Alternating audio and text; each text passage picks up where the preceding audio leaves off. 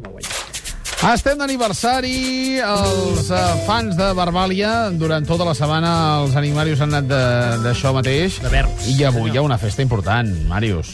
Sí, sí, avui... Què ha- passa al Gas avui? Avui fem els 10 anys de l'aniversari de la independència de Barbàlia com a estat mental. Nosaltres sí. no tenim escissions, per fortuna, ni, ni coses estranyes, i fem una celebració tant del Barbàlia 2.0 com del joc amb l'Oriol Comas i allà molts amics. Lamentablement no podem convidar més gent perquè l'aforament és limitat, uh -huh. però molts amics hi serem i serà una gran festa. Sí, senyor. A més a més, tenim tres llibres avui per uh, recomanar. Un de llegit, un de rellegit i un de fullejat. Uh, Mira'l com comencem avui. Amb Xavier Cugat. Sí.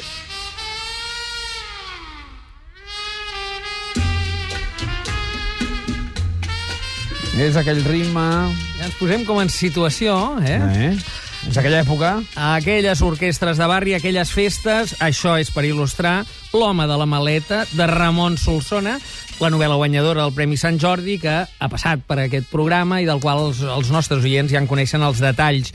A veure, eh, per qui no ho conegui, és la història d'un trombonista, eh? és a dir, un comptable que també es dedica a fer de músic. Sí. Eh, el trobem que ja és vidu, se sent molt desplaçat en el món d'avui, no entén res, i li sembla que des que es va electrificar la música tot ha anat eh, mal borràs, i eh, descobrim que té tres filles, passa amb la maleta de casa d'una a la de l'altra, però de mica en mica anem entrant una mica en la vocació del seu passat. Ell és un fill de la Casa de la Caritat, per tant, de la, de, de, és orfe, no coneix el seu passat i una mica això és el que l'empeny la novel·la. A veure, és una novel·la que jo trobo que arribarà molt de públic, que certament eh, és còmica, que farà gràcia, potser embafarà una mica aquella voluntat de reproduir, del Ramon Solsona, de reproduir el català col·loquial en la ment d'aquest eh, senyor, d'aquest trombonista. Eh, és un llibre molt ple d'incorreccions lingüístiques que alhora fan molt més genuí aquest parlar de les Teresines, per entendre'ns, eh? un uh -huh. parlar de, del barri de Gràcia.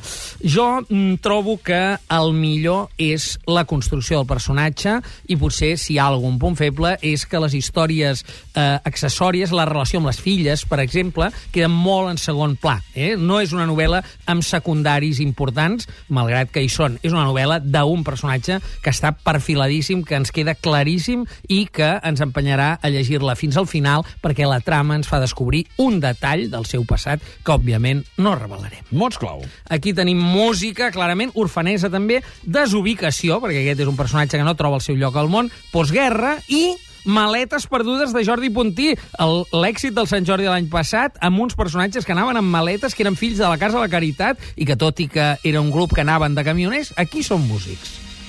Hablaré catalán. El rellegit s'il·lustra amb Bablaré catalán, del de Mano Romero. Sí, senyor, aquest és una cançó que, en fi, ens evoca grans moments de les relacions lingüístiques i és per il·lustrar l'últim llibre del Matthew Tree, com explicar aquest país als estrangers. Aquest eh, ho acaba de treure columna i te'l poso en els rellegits perquè en realitat és la traducció al català d'una colla d'articles que en Matthew i conferències que en Matthew ha publicat en anglès fonamentalment per explicar què és Catalunya i de vegades diu ell entre parèntesi això altre anomenat països catalans que ja depassa qualsevol cosa comprensible a els estrangers, sobretot anglòfons en el seu cas, però els estrangers en general. Eh, estan encapçalats per una conferència esplèndida que va pronunciar el London School of Economics l'any 2008. I, mm, en general, es detecta aquesta voluntat eh, que li coneixem del Matthew Tree absolutament clara d'anar al detall, d'enfrontar-se al conflicte d'una manera òbvia, de donar a conèixer amb una visió, diguem, externa, perquè ell és un nou vingut, eh, la realitat catalana, i alhora el que traspua és la incomprensió extrema eh, en la qual eh, aquest missatge viu en àmbits internacionals, no? per raons òbvies que no venen al cas ara i que fa que no estiguem en el mapa. Mots clau? Catalunya, Catalònia, aquí, val a dir que aquest llibre surt en anglès també com a e-book, Nació, Indignació i Menyspreu. Love of Lesbian eh, il·lustra el fullejat. Sí, eh, il·lustra un poemari eh, radicalment fresc i divertit, l'esbós, que si li treus l'accent i l'apòstrof es diu Lesbos. Aquest eh, és eh, Sílvia Bell, eh, publicat per 7 de 4. És un recull de poemes molt agosarats i molt directes eh, de temàtica lèsbica. Probablement, mm, diguem, molt, molt obertament i molt, uh, eh, molt directe. Fixa't que porta com a punt de llibre una cremallera, Ah, sí? eh, una cremallera que ens imaginem en els baixos d'un pantaló, d'aquesta que ara baixava, i només, per no parlar-ne, només el llegiré perquè vegis un tipus, un poema d'aquest. Desgast, es diu. Tres anys, quatre fregalls, sis raspalls de dents, dos viatges, tres catàlegs d'IKEA, 150 rentadores, set constipats, 178 paquets de clínex, dos pots de soja, 12 de mel, dos escombres i un adéu.